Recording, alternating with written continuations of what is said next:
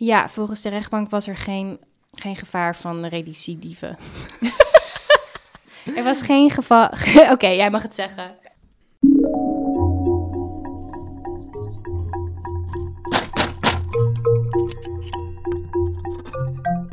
Al sla je me dood. We hadden alweer een verhaal van een luisteraar gekregen. Vertel. Nou. Deze weet ik helemaal niet, dus eh, kom op. Nou, het is het verhaal van Ellen. Ellen was begonnen te werken bij een nieuw bedrijf, of tenminste een bestaand bedrijf, maar zij was daar nieuw. En het was nog een best klein bedrijf, maar wel heel erg in ontwikkeling, zeg maar. Mhm. Om het een beetje anoniem te houden, kan ik even niet dan erbij vertellen, denk ik, welk bedrijf precies dat was. Nou, dus zij kwam bij dat bedrijf wat al een beetje in ontwikkeling was en, en zij ging dat echt aanpakken. Zij is zo'n soort van jonge, gedreven vrouw die direct zag van, oh, dit kan allemaal beter. En dit kunnen we op een andere manier gaan doen, zodat het efficiënter wordt en eh, nou, aanpakken. Ja. En er was de hele tijd al één wat oudere man die dat niet zo leuk vond. Dat merkte ze al wel. Hmm. Tegen alle veranderingen was hij een beetje tegen. En hij deed gewoon heel erg moeilijk over dat het anders moest. Nou ja, waar beetje je dan- vastgeroest in zijn eigen ding. Ja, zo klonk het wel inderdaad. Ik herken dat wel. Ja, ik heb het ook wel gehad bij Ja? bepaalde banen. Oh ja? Ja, ik heb ooit een keer een baas gehad die alles op PowerPoint uitwerkte. Van ja, ik doe dan marketing, dus dan maak je decks, zeg maar, presentaties. Mhm. Dat moest altijd op PowerPoint. En dat moest dan altijd uitgeprint worden. En die dingen waren 50 pagina's. en als ze dan, dan ging ze er met een pen zo alles verbeteren wat ze anders wilden hebben. Oh. En dan moest ik het helemaal opnieuw uitdraaien daarna. Oh, en, ik, en ik heb echt ruzie met haar gehad. Van, maar, maar de bomen.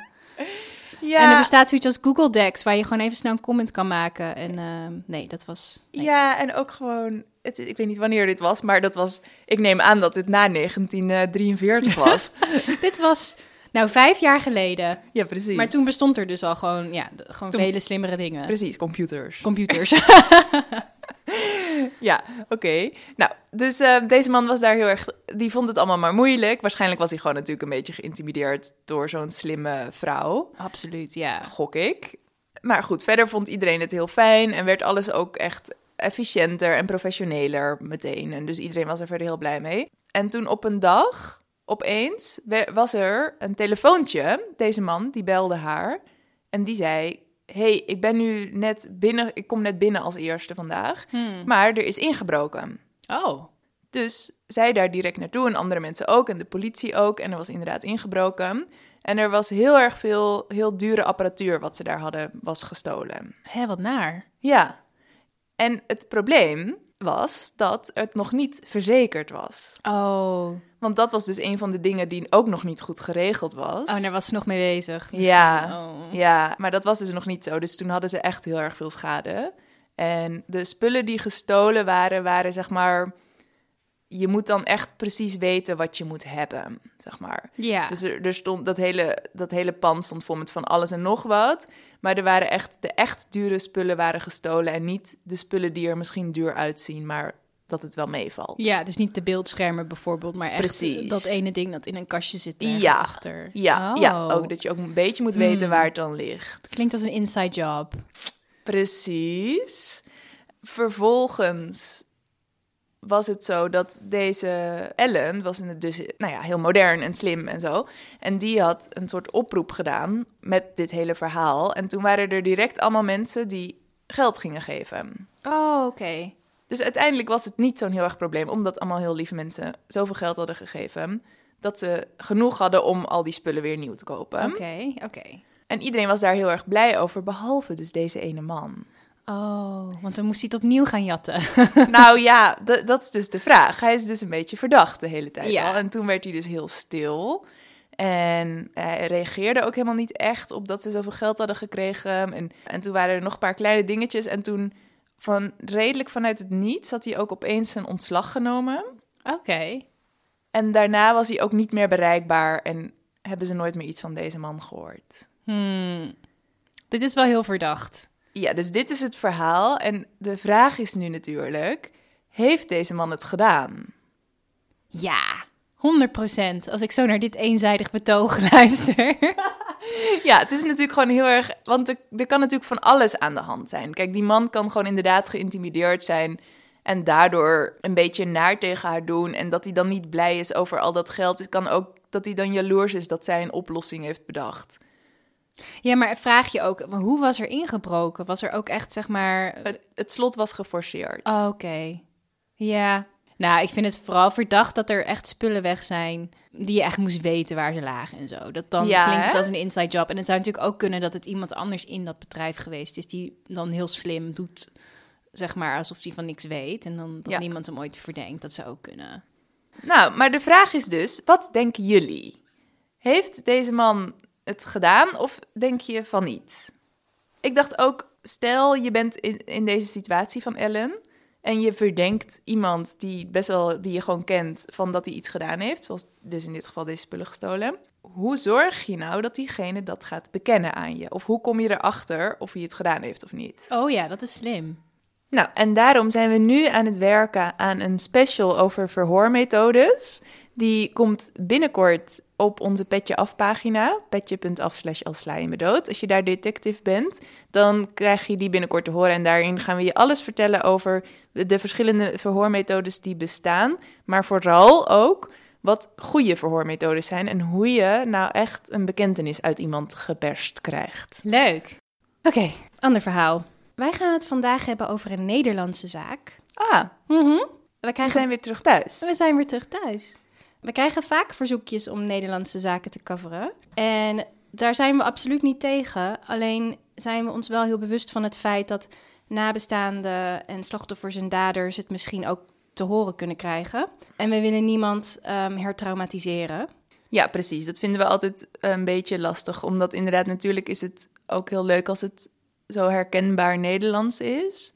Maar ja, wat jij al zegt eigenlijk. We proberen altijd wel heel erg respectvol te zijn naar alle betrokkenen in de- verhalen die we vertellen. En als het of heel kort geleden is, of als inderdaad mensen dit kunnen luisteren omdat ze ook Nederlands spreken, dan willen we daar wel extra voorzichtig mee zijn ook nog. Ja, precies. Maar we kregen zo vaak het verzoek om deze zaak te doen, dat we ons er toch over gaan buigen vandaag. En omdat we dit heel goed willen uitleggen, hebben we ook wat hulp van buitenaf erbij gehaald van onze nieuwe huispsycholoog. Ja, klopt. Want in deze zaak gaat het niet zozeer om wat er precies gebeurd is, maar vooral waarom. We gaan het vandaag hebben over de belmoorden uit Bad Hoeverdorp. En even een kleine waarschuwing. In deze aflevering praten we over zelfmoordgedachtes.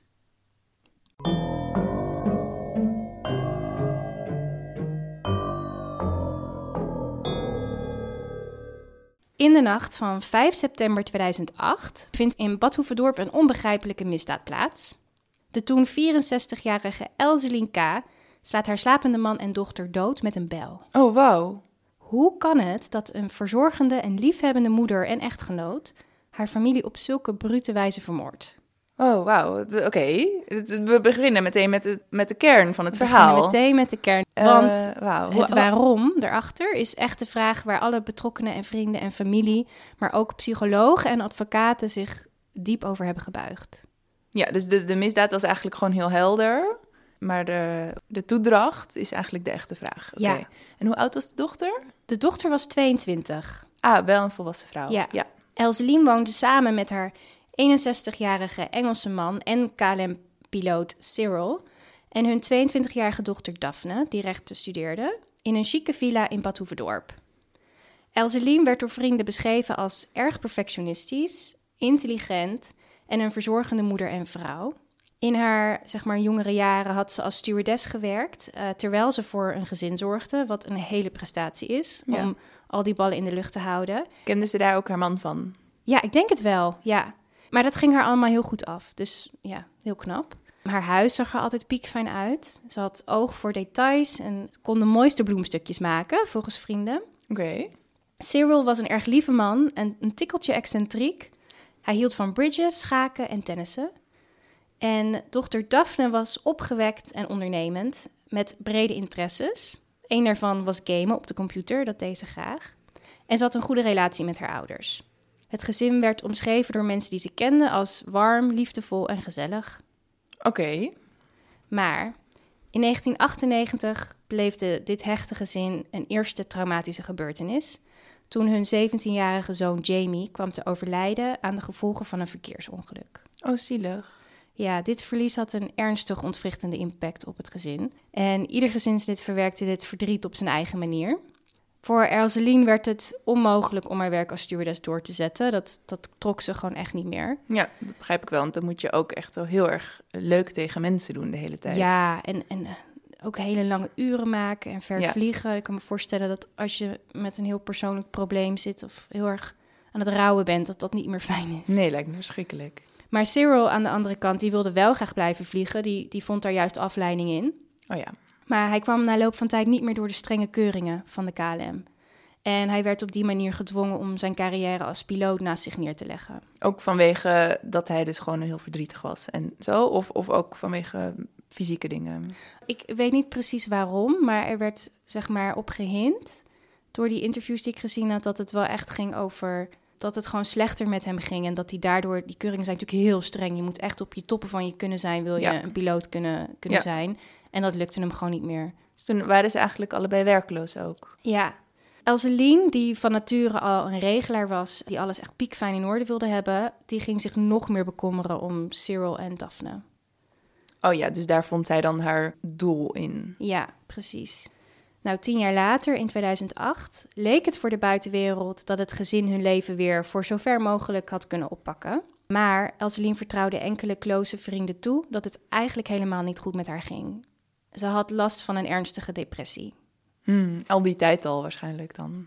Ja, Dat is en ook lang. Ja, depressies, dat zijn, nou ja, als ervaringsdeskundige, zijn dingen die sluipen. Dat is niet zo van je wordt wakker en je hebt een depressie zoals je misschien hoofdpijn zou hebben. Dat ontrafelt zich over de jaren. Ja, heen. precies. Het gaat heel, heel steeds en worden dingen net een beetje moeilijker en Ja, eh, zwaarder. Tot je inderdaad op een dag je bed niet uitkomt. ja. Voor Elseline waren het voornamelijk kleine dagelijkse problemen die haar heel veel onrust en stress bezorgden en die heel erg belangrijk voor haar werden. De dingen waar ze zich zorgen over maakte waren bijvoorbeeld een vijver in de tuin waar alg in was gekomen. En schilderwerk dat ze had laten doen aan haar huis, maar dat ze niet goed genoeg vond.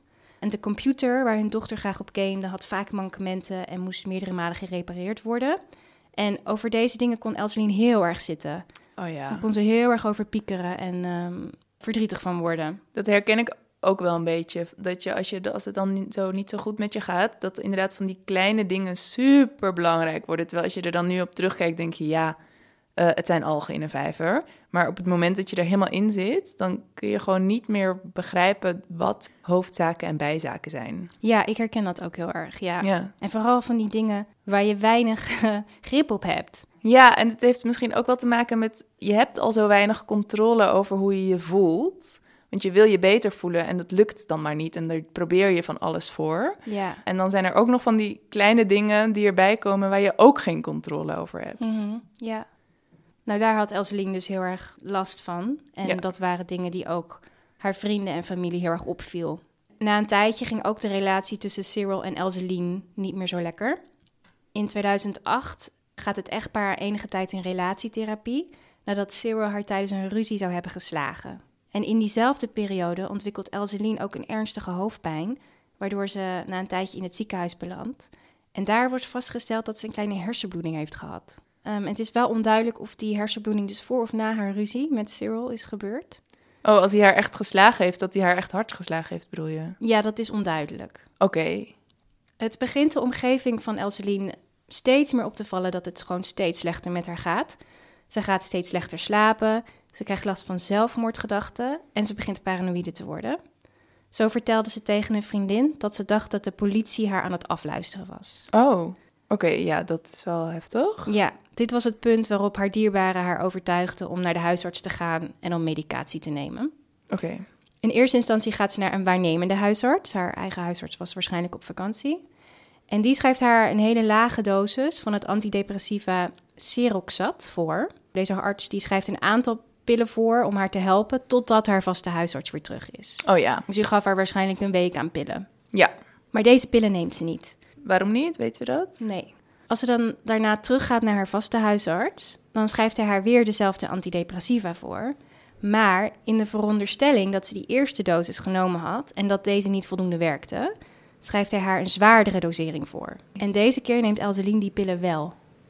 Ah, maar dus nu neemt ze in één keer best wel heftige pillen terwijl ze daarvoor nog niks genomen had. Ja, ja. Is het niet gevaarlijk dat ze dan meteen zo'n hoge dosering kreeg? Zeg maar, kan dat niet een soort gekke effecten krijgen? Ja, dat, zou, dat kan best. Ja, vooral als je het nog nooit eerder genomen hebt en je begint met een te hoge dosis, dan kan dat inderdaad wel een gek effect hebben op je lijf en op je hersenen. De dag voor de moorden was eigenlijk een hele normale dag. Ook die dag was de computer weer gecrashed. En die computer was een punt waar Elseline zich echt heel veel zorgen over maakte.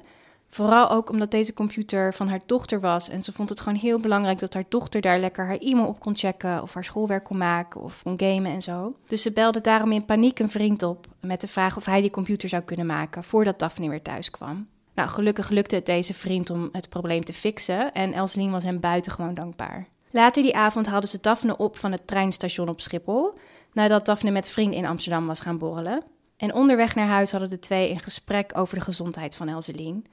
Daphne stond er namelijk op dat Elseline niet alleen maar die medicatie nam, maar ook met een psycholoog of psychiater zou gaan praten. Wacht even, zij had alleen maar pillen gekregen zonder ook psychologische begeleiding?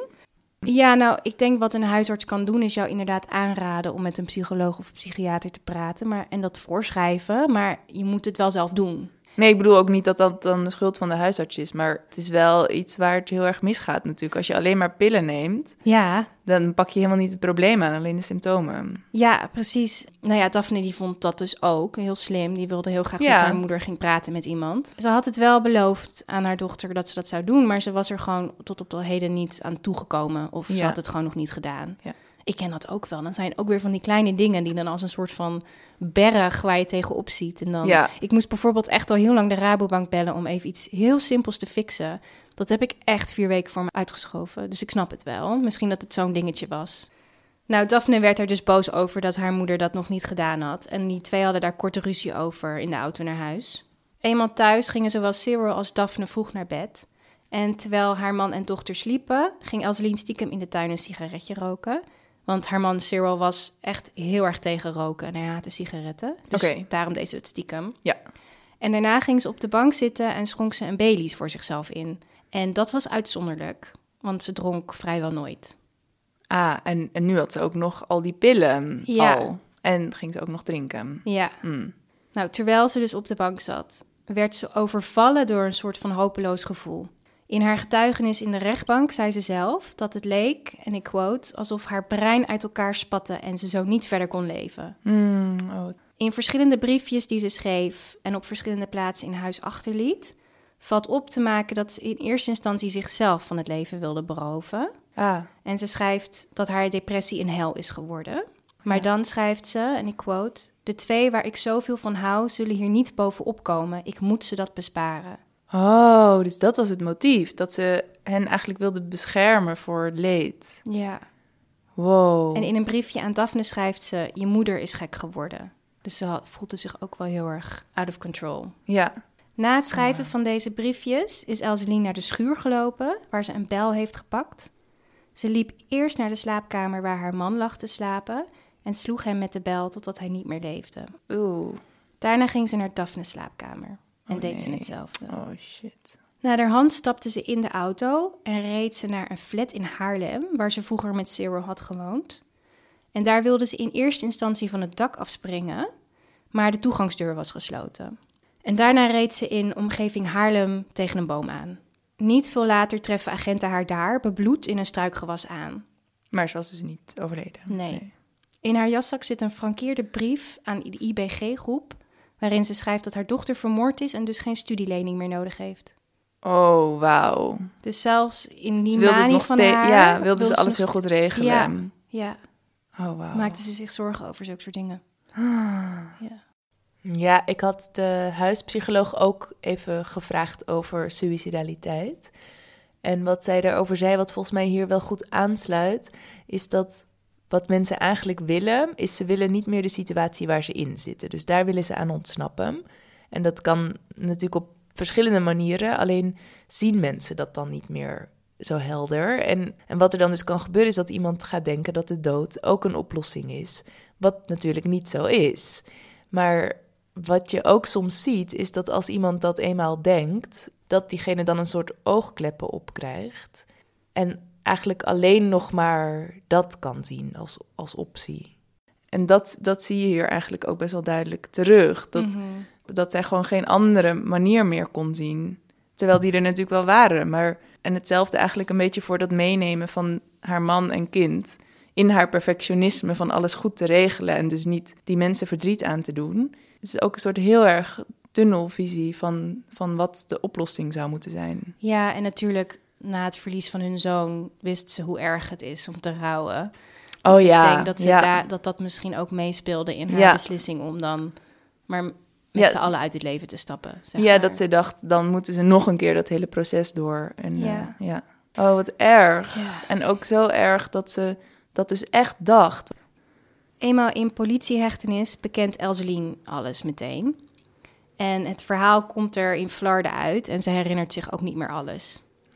Maar het valt iedereen wel al snel op dat het niet goed gaat met de vrouw. Haar advocaat schakelt daarom snel een psycholoog in die verder onderzoek doet. Deze schakelt ook weer een klinisch farmacoloog-professor in. Wat is dat? Dat is iemand die heel klinisch kijkt naar hoe de werking van medicatie is. Ah ja, oké. En deze twee buigen zich over de zaak. En Elseline werkt heel goed mee aan alle onderzoeken, want inmiddels is ze onder toezicht van psychiaters en psychologen uit haar depressie aan het klimmen. En ze wil zelf ook begrijpen wat er is gebeurd. Zo snel al? Of is het, hebben we het over Gaat een over- jaar of zo? Een aantal maanden, ja. Ja, oké. En ze, ze heeft ook geen flauw idee wat er is gebeurd en ze vindt het zelf verschrikkelijk. En ze wil meewerken eraan om daar wat meer begrip op te krijgen, zeg maar. Ja, want het klinkt ook bijna als een soort psychose waar ze in zat die avond eigenlijk. Nou, het lijkt erop dat een combinatie van haar depressie, een e- eerdere hersenbloeding ook, en het verkeerd gebruik van antidepressiva haar die avond dus van een klif af heeft gegooid. Ja. En haar advocaten pleiten dat die eerdere hersenbloeding haar vatbaarder zou hebben gemaakt voor de effecten van Sero, Seroxat. die pillen. Ja, en gekoppeld met het verkeerde gebruik daarvan zou ze in een delier zijn geraakt. Dat is een bewustzijnsstoornis die ook agressieve reacties kan oproepen. Ah, oké. Ja, en dat heb je vaak ook bij eh, mensen die bipolaire stoornissen hebben. Dat, dat je van de ene kant van een depressie in een manie kan raken. En dat zou door die, combina die unieke combinatie van haar hersenbloeding... die wellicht dat deel in je hersenschars had aangetast... met het verkeerde gebruik van die medicatie En de depressie. en die depressie en, die en ze misschien nog wel de alcohol ook. Ja, dat zou dan wellicht in het verkeerde deel van haar hersenen allemaal iets getriggerd hebben. Ja. Ja, en ook omdat ze dus daarna, dat klinkt wel oprecht, e- eerlijk gezegd, dat ze daarna dat zelf ook heel verschrikkelijk vindt wat ze gedaan heeft. Ja, nou, in de Haarlemse rechtbank tijdens haar eerste proces zegt Elseline zelf het volgende. En ik heb even haar speech samengevat. Wat er in de fatale nacht in mijn hoofd is misgegaan, blijft een onvoorstelbaar raadsel. Dat ik in een opwelling besloot ook mijn lieve man en de dochter die ik werkelijk aanbad van het leven te beroven, valt niet te bevatten. Hoe krankzinnig kan een mens worden? Ze waren alles voor me. We waren een hecht en liefdevol gezin. En handtastelijk, laat staan agressief, ben ik nooit geweest. Van die gruwelijke nacht kan ik mij enkel flarde herinneren. Hoe uw oordeel ook uit zal vallen, ik heb levenslang, want ik ben ze voorgoed kwijt. Oh, Ja. meteen kipvel hiervan. Ja, uiteindelijk acht het Hof haar inderdaad sterk ontoerekeningsvatbaar, maar legde haar wel in november 2009 een straf van acht jaar cel op. Een paar jaar later is dat in hoger beroep veranderd naar zeven jaar. En had ze dan ook TBS gekregen eigenlijk? Nee, geen TBS, alleen maar celstraf. Er werd geacht door de rechtbank dat zij, niet, dat zij geen recidieve dreiging had. Hoe noem je dat? Geen gevaar voor herhaling van deze misdaad. Ja, Hmm, maar wel interessant, want ik had eh, de huisjurist vertelde mij dus over hoe dat nou precies werkt met TBS. En eigenlijk is het altijd zo dat als de, mm, je psychische gesteldheid of stoornis een directe invloed heeft op het feit dat je een bepaalde misdaad hebt begaan. Dus bijvoorbeeld iemand is schizofreen en daardoor gaat die mensen vermoorden en daar is een directe link.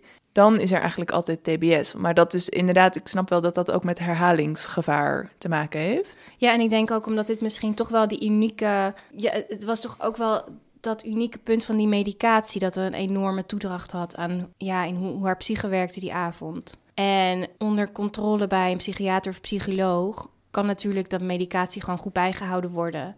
Ja, en wat dan ook ingewikkeld, dat besprak ik met Melanie, de huispsycholoog, is hoe je, hoe je dus eigenlijk beoordeelt dat iemand verminderd toerekeningsvatbaar is of niet toerekeningsvatbaar. Ja, En het gebruik van middelen daarin altijd een heel ingewikkelde zaak is. Omdat zij, zei, zij noemde het voorbeeld van iemand drinkt te veel en wordt agressief als hij dronken is en slaat dan iemand dood. Dan zou je ook kunnen zeggen dat iemand verminderd toerekeningsvatbaar is vanwege die, dat hoge alcoholpercentage in zijn bloed. Maar je hebt er wel zelf voor gekozen om, om zoveel biertjes te drinken. Zeg Ja. maar.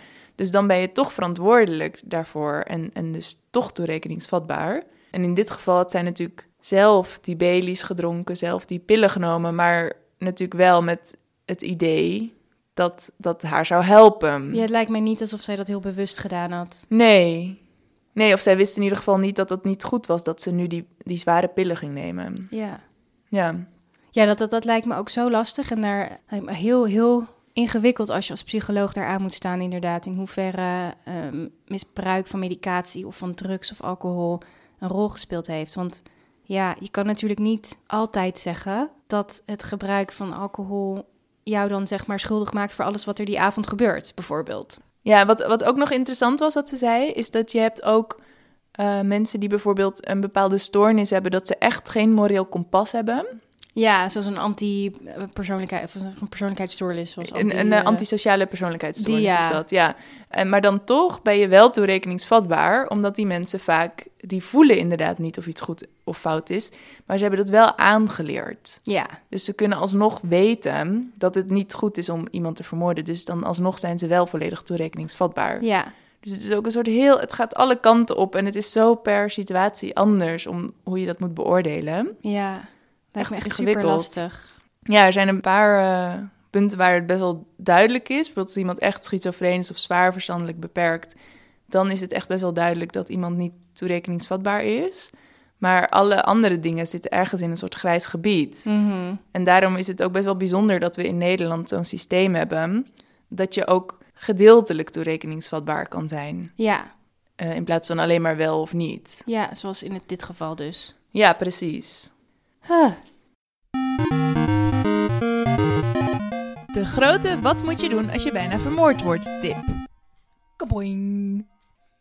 Ik had één tip. En dat is een beetje een, een, eh, een, een zwaardere noot, een serieuzere noot. Maar ik dacht, we moeten gewoon allemaal iets meer doen aan het destigmatiseren van mentale gezondheidsproblemen. Ja, daar ben ik het heel erg mee eens. Want iedereen die heeft wel eens een dipje. En bij sommigen blijft het erbij.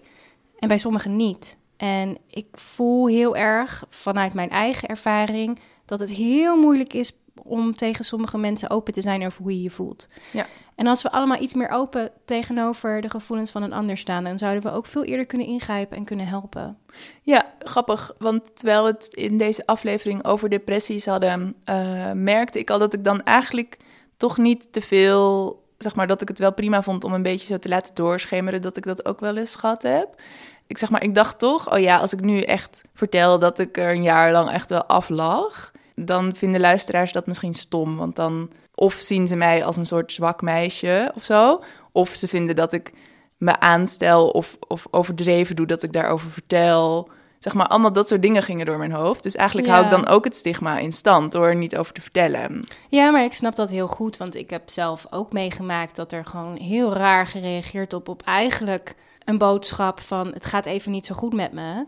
Dat Ja. er een soort van verwachting ligt dat het toch goed met je moet gaan en dat je maar je mond moet houden en door moet gaan, want iedereen heeft het moeilijk, bijvoorbeeld. Ja. En dan wordt het heel moeilijk om je open uit te spreken over bepaalde dingen. Ja. Maar een andere tip is ook, mocht je jezelf niet goed voelen, kies één persoon uit waar je je goed bij voelt. Want erover praten helpt echt. Het Ja. is echt de eerste stap en de meest belangrijke stap om beter te worden weer. ja, en schaam je er vooral niet voor. Nee, Je hoeft niet altijd verschrikkelijk leuk en vrolijk en gezellig te zijn. nee. Het mag ook gewoon even slecht met je gaan. Ik las trouwens iets op, eh, tenminste een vriendin stuurde mij een artikel van de New York Times door, waar er over gepraat werd over dat hele bleh gevoel dat we nu allemaal collectief hebben. Ja. Dat heet languishment. oh, wat Dat een mooi woord. Heel mooi woord. Dus wij waren al meteen aan het appen, zo van, nou, koffie en languishment eh, binnenkort. Oh ja, wat mooi. Ja. En, nou, maar dat is eigenlijk ook nog wel meteen een tip. Bedenk dat je echt niet de enige bent die, je zo, die zich zo voelt. Nee, absoluut niet. Als je erover gaat praten, dan zijn er zoveel mensen die hetzelfde voelen of een keer gevoeld hebben of met iets zitten. Dus Ja, oké, dat was even een zwaardere tip, maar wel heel belangrijk. ja. En, en aanvullend ook, hou elkaar in de gaten. Ja, doe dat. Ja, je kunt als je zelf nadenkt over zelfmoord, kun je 113 altijd bellen. Ook als je even in je omgeving niet iemand hebt om erover te praten. Oh, en ik zie ook dat je op de website van 113 ook gewoon kunt chatten met een hulpverlener, anoniem. Oh ja, als je even niet wil bellen misschien. Ja. Nou, volgende week eh, doen we het even een tandje lichter aan weer, maar Ja, een we- belangrijke aflevering. Ja, ja, en hierna gaan we gewoon weer lekker luchtig verder. Ja, even wat trashies er tussendoor weer. Ja, Nou, ga naar onze Petje Af pagina, petje.af slash als sla je me dood, voor meer informatie en bonusafleveringen. Wij zijn op dit moment, ik kijk eventjes in mijn camera, zijn wij iets met een filmpje aan het opnemen, wat echt super spannend is. Dus dat kan je nu ook hopelijk, als ik het op tijd geëdit heb, vinden op Petje Af. ja. En nog heel veel meer leuke extra's en bonussen en specials en wat voor leuke woorden we nog meer kunnen bedenken daarvoor. Kun je allemaal daar vinden als je detective wordt. Voor slechts 3 euro per maand krijg je dat allemaal. En hebben we deze week ook weer nieuwe detectives? Ja. Ja, we hebben nieuwe detectives. Zullen we weer omste beurt de naam opzeggen? Dat was wel leuk vorige keer. Ja, oké, Oké. go. Nou, hartstikke bedankt aan Iris. Een bloemetje voor jou. En aan Nina, die dit altijd luistert terwijl ze de hond uitlaat. En ze zei dat ze steeds kortere rondjes maakt en steeds steviger de sleutels tussen haar vingers omklemt. Nog even een rape-alarm kopen, Nina. En dan, eh, dan ben je er klaar voor. Ook hartstikke bedankt aan Noah. Mooie naam. En aan Kim. Aniek. Ik denk dat het Annik is. Annik, sorry, Annik. Sharon of Sharon? Nicolette. Gaia, Alinda. Maartje, Chantal. En ook aan Chantals tienjarige kind, die ook meeluistert. Ja, gezellig. Ik vind het zo leuk dat we een inspiratie zijn voor, voor de nieuwe generatie. Ja, vooral goed naar de tips luisteren. ja. Eh, Julie, Cindy. Charlotte. En Stephanie. Oh ja, en ook nog bedankt aan Mirjam en Evert voor eenmalige donaties. Ook hartstikke fijn. Ja. Oh ja, en je kunt ons ook natuurlijk volgen op Instagram en Facebook, waar je ook altijd beeldmateriaal kan vinden bij de afleveringen. En verder. Je kan ons een mailtje sturen als Ja, nou dankjewel. Doei! Doei!